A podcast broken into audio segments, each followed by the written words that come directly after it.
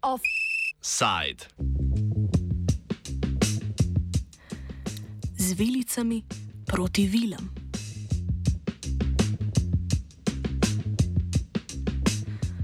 V Rimu se je danes pričelo tridnevno pripravljalno zasedanje vrha Združenih narodov o prehranskih sistemih, ki se ga je prvi dan prek video povezave udeležil tudi slovenski minister za kmetijstvo, gozdarstvo in prehrano Jože Podgoršek.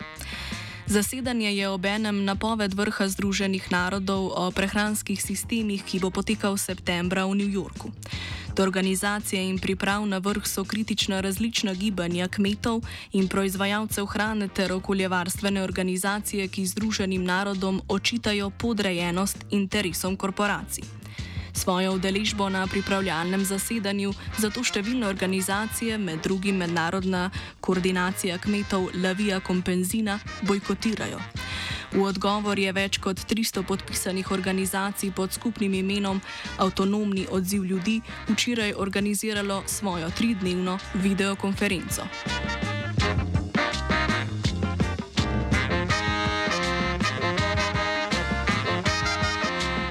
Preden se osredotočimo na aktualne dogodke, stopimo korak nazaj in pojasnimo, o kakšnih sistemih govorimo ter zakaj so tako relevantni. Prehranske sisteme, oziroma kot jih je že poimenujemo v Sloveniji, preskrbne sisteme s hrano ali agroživilske proizvodne sisteme, podrobneje razloži profesor z Biotehničke fakultete Univerze v Ljubljani in agrarni ekonomist Aleš Kuhar začnemo pri primaru, to je kmetijstvo, ki nabavlja semena, agrokemikalije, stroje, opremo, gorivo, delovno silo in pridela neko surovino, eh, živali, mleko, žita, jabolka, grozdje, karkoli in to potem naprej proda preko posrednika ali pa neposredno preko zadrug ali pa neposredno živilsko predelovalno podjetje, mesne podjetje, mlekarni, vinski kleti, proizvajalci sokov pekarni, whatever, ki potem to surovino spet sestavi, spet gre za eno kompleksno rekel, proces ne, oskrbne, eh, v oskrbne verigi, kjer dobavitelji živilskega podjetja pripeljejo kmetijske surovine in množico ostalih surovin, embalaže, energije, eh, pol izdelkov, transportne storitve, marketinške storitve, računovodske storitve, karkoli že strojna oprema in tako naprej, se proizvede kmetijska surovina v kombinaciji z drugimi inputi v živilo, potem pa živilsko podjetje to naprej prodaja, bodi se neposredno trgovini na drobno, ali turizmu, ali izvoz, ali uh, horeka, javnim zavodom, kakorkoli, in potem na koncu ti javni zavodi, šole, turizem, gostinstvo, turizem in tako naprej, največ seveda trgovina na drobno to proda končnemu kupcu, to so pa mi gostin, eh, to so pa mi gospodinstva. Med vsemi deležniki znotraj sistema je tako treba vzpostaviti takšne odnose, da bodo ekonomski vidiki za vse ugodni. Ob tem pa je izziv predstavljal tudi pritisk, ki ga ima proizvodnja hrane na naravne vire.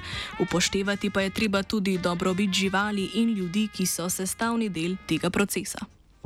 Po drugi strani govorimo o tem, da se zmanjša pritisk proizvodne hrane na naravne resurse, na okolje. Eh, ne na zadnje govorimo o dobrobiti ljudi, delavcev v teh oskrbnih sistemih, govorimo o dobrobiti živali, govorimo o trajnostnem ekonomskem, okoljskem, socialnem razvoju. To so vse ti izzivi, ki jih zdaj seveda oskrbne verige v globalnem smislu imajo. Kot na vseh področjih so tudi na področju prehranskih sistemov veliko vlogo s časoma pridobile korporacije, ki naravne vire tudi nadpovprečno obremenjujejo, pri čemer ima velik vpliv predvsem trgovina. Definitivno, ne, v prehranskih sistemih je pa evolucija ekonomska, ne, ta razvoj nedvomno močno, močno, uh, mislim, v spredje postavil korporacije. Tle ni nobenega dvoma.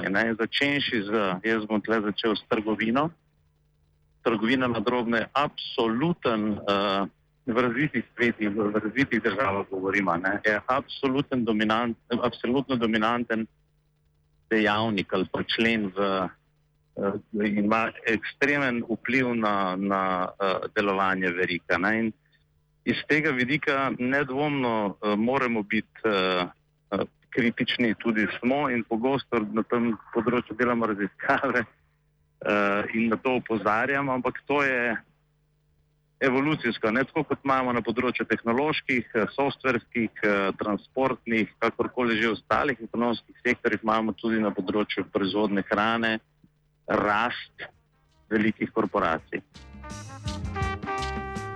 Vloga korporacij je tudi glavni kamen spotike in razlog za bojkot vrha Združenih narodov strani številnih organizacij in koordinacij kmetov ter ostalih proizvajalcev hrane oziroma surovin.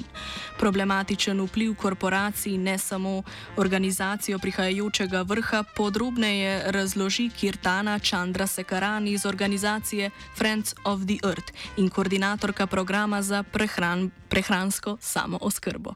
The first issue, um, which is a big one, is that the summit is has a very high level, disproportionate influence of corporate actors. Uh, the summit was announced just after uh, a partnership agreement was signed by the UN Secretary General's office with the World Economic Forum which brings together a thousand of the world's largest corporations, including, you know, all the climate criminals, Shell, uh, Nestle, BlackRock, uh, all the largest corporations who are really responsible for human rights violations, for environmental destruction, for climate emissions, for violating workers' rights. Um, they have had a really high influence on on the summit process. So it's a very corporate, it's a captured process in that sense. The second reason is because um, the way in which they are uh, approaching uh, the governance. So um, they are approaching it in what is called what we call a multi-stakeholder process, which is very different from the regular multilateral processes that the UN is supposed to follow. So a regular food summit should be announced um, by one of the member states should be, you know, the member states from of the UN should bring up the need for a food summit.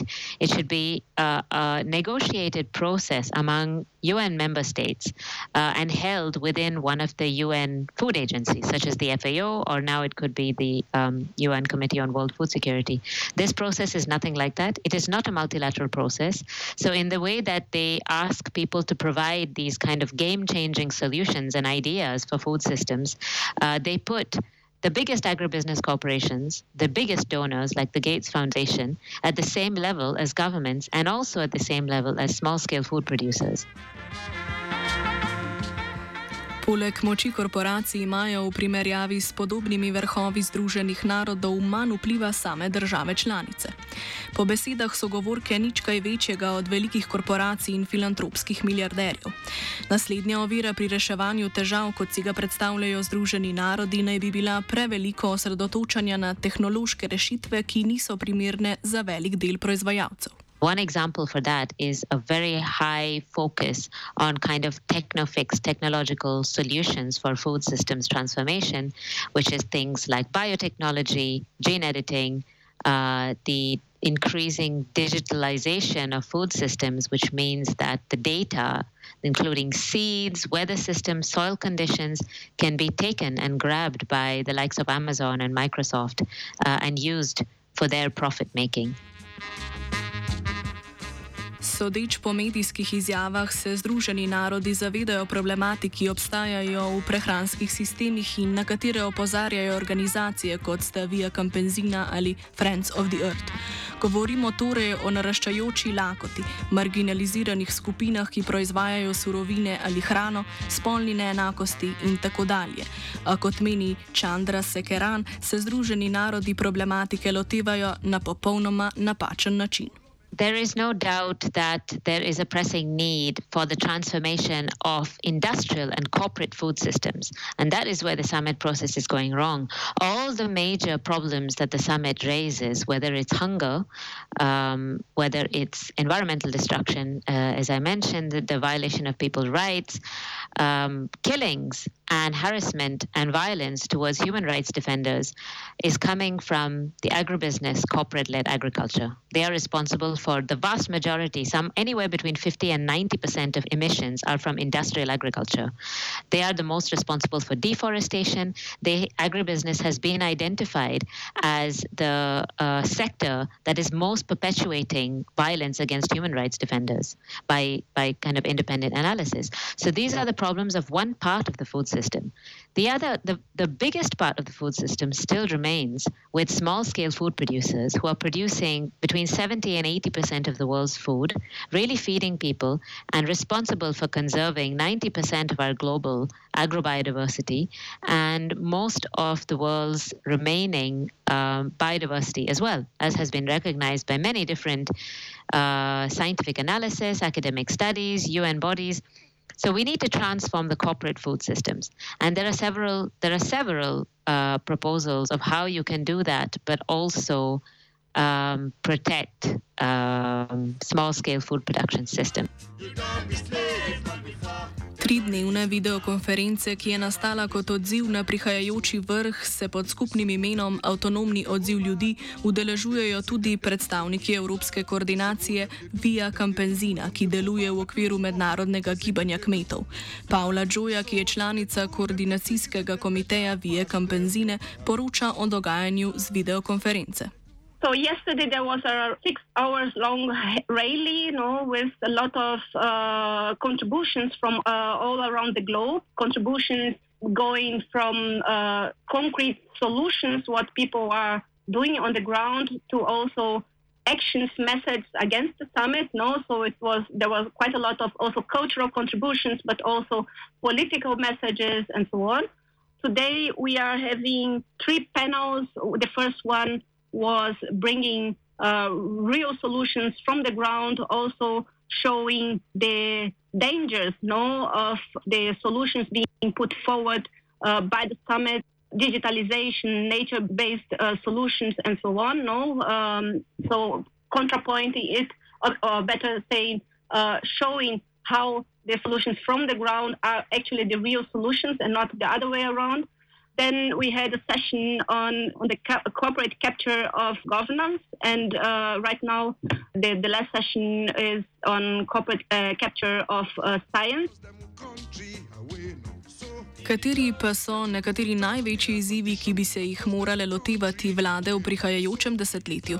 Chandra Sekeran. Anywhere from big picture solutions like addressing monopoly, control over food systems, uh, stopping intellectual property monopolies within the seed sector, regulating to stop the use of pesticides, highly hazardous, but also other pesticides, ensuring collective land rights of small scale farmers are respected, agrarian reform, which is land redistribution in that so more land is in the hands of small scale food producers.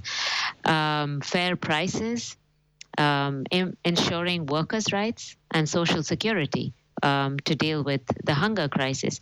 So there are there are a huge number of regulatory and other types of policy proposals governments can be implementing but a lot of these most of these are not being discussed uh, within the framework of the Food System Summit. So while they talk about all the problems, from their perspective, they don't differentiate between the industrial corporate food system and other food systems. They put everything together uh, and then provide solutions from agribusiness to the problems that they have created.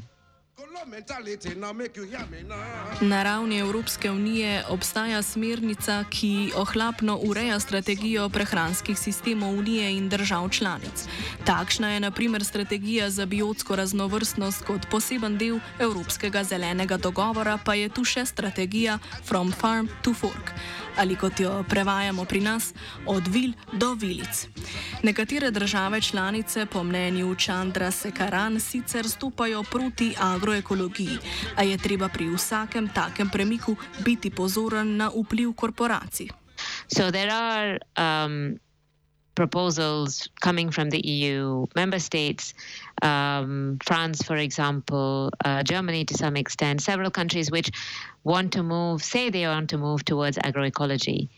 Now, that's a step that we can be welcome, but I think we need to be really attentive to what kind of agroecology they're proposing. Because either you could propose the type of agroecology that we call really a captured version, where, for example, Nestle, uh, you know, and then it is um, agribusiness company that is controlling huge commodity supply chains of palm oil, but also dairy, intensively farmed dairy and livestock. Uh, so really responsible for a lot of destruction. Nestle are claiming to invest in agroecology and regenerative agriculture, but their version of it is just, you know, some small parts without actually changing their um, system of agriculture with using some, you know, efficient pesticide use or changing the feed of livestock, or even worse, uh, using the measurement of soil and agriculture to then sell offsets for climate emissions to other fossil fuel companies and to carbon markets. Kaj pa Slovenija? Kuhar meni, da na marsikaterem področju prehranskega sistema v Sloveniji vlada divji zahod. Imamo razmere kot je Slovenija, recimo na primeru mesa govedi, kjer imamo popolnoma razsuto verigo, ni nobenega strateškega dela v smislu povezovanja med rejci živali in mesno industrijo, eh, horega sistemom, gostinstvom, turizmom, skratka, totalen divji za zahod. Zelo malo je tega, recimo, v primeru krušnih žit, ampak pri krušnih žitih mi niti konkurenčne prednosti nimamo zaradi geografskih pogojev. Je zelo težko v Sloveniji sploh pšenico pridelovati. Relativno šitko je ta povezanost prisotna, uh, recimo na prašičareji, ampak pri prašičareji imamo spet zelo, zelo nizko proizvodni potencial, pa nizko proizvodna aktivnost na primarni ravni. So pa pozitivni ali pa zelo pozitivni primeri strateškega delovanja verik v primeru mesa perutnine, perutninskega mesa, kjer imamo mednarodno konkurenčne prehranske sisteme ali pa skrbne sisteme s perutninskim mesom, nekaj zelo, zelo uspešnih, velikih, mednarodno pozicioniranih eh, proizvajalcev v Sloveniji imamo. Relativno dobro je ta sistem postavljen še pri mleku, se pravi, prireja mleka, predelava doma v mlečne izdelke. Potem se pa že počasi nehajo taki zgledni primeri. Ne?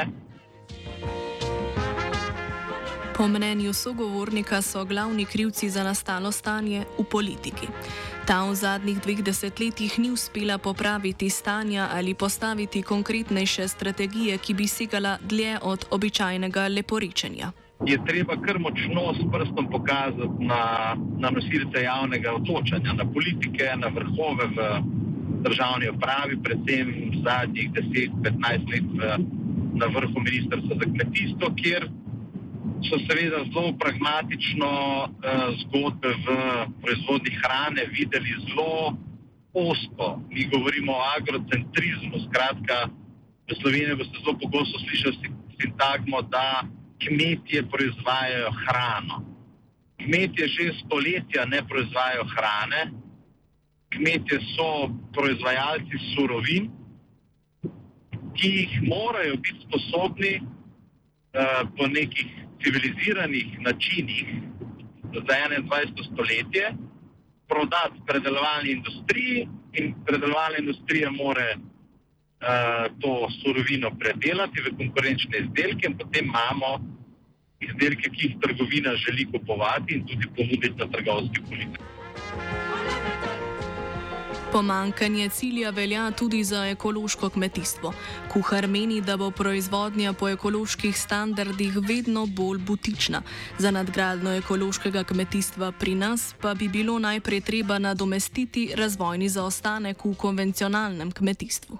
Ni nekega jasnega dolgoročnega cilja, tudi na področju ekološkega kmetijstva. Mislim, da ekološko kmetijstvo je sicer izrazito uh, zanimivo, vendar vedno bo ekološko kmetijstvo ali pa ekološka proizvodna, eh, pravi, proizvodna po ekoloških standardih, bo vedno nišna proizvodnja. Ne, to ne bo nikoli prevladujoči način. je, je, je v bistvu butična, ekološka bo vedno butična. Proizvodnja ekološke hrane je zelo zahtevna organizacijsko. Zdaj, v Sloveniji biti prepričan, da mi lahko ob, obsežno povečamo proizvodnjo ekološke hrane, je popolna nerealnost, pa ne, ne, ne vedenje, ker mi imamo zaostalo kmetijstvo in zaostalo kmetijstvo ne more narediti transformacije v ekološko kmetijstvo. Mi moramo najprej razvojni zaostanek na konvencionalnem kmetijstvu doseči in šele potem lahko gremo v ekološko. Za razliko od organizacij, kot je prej omenjena Friends of the Earth, je kuhar prepričan, da so tehnološke rešitve dobrodošle. Pri tem omeni, da je Slovenija med tistimi državami, ki so preveč zaostale, da bi lahko določene tehnološke rešitve sploh uvedle. Ne na zadnje, v nekaterih evropskih državah, Slovenija nedvomno med njimi je, ne, že tudi, v bistvu smo tako zaostali, da niti vseh rešitev, ki jih Evropska unija recimo razvojna agencija ali pa eh, raziskovalno razvojni fondi podpirajo in jih več ne moremo absorbirati. Ne smo tako zaostali, naše kmetijstvo na taki ravni, da niti ne moremo absorbirati teh uh, tehnoloških rešitev. Ne. Kaj šele, če govorimo o nekih podsaharskih afriških državah ali pa drugih manj razvitih državah. Tako da to je treba upozarjati, ne mi tudi, ne, ne nazaj, tudi pri nas so veliko krat uradniki skenirani na neko visoko letečo tehnologijo, ki v Sloveniji sploh nima, nima absorpcijskega potencijala. Ne. Offside je pripravil Plaskan. Radio študent.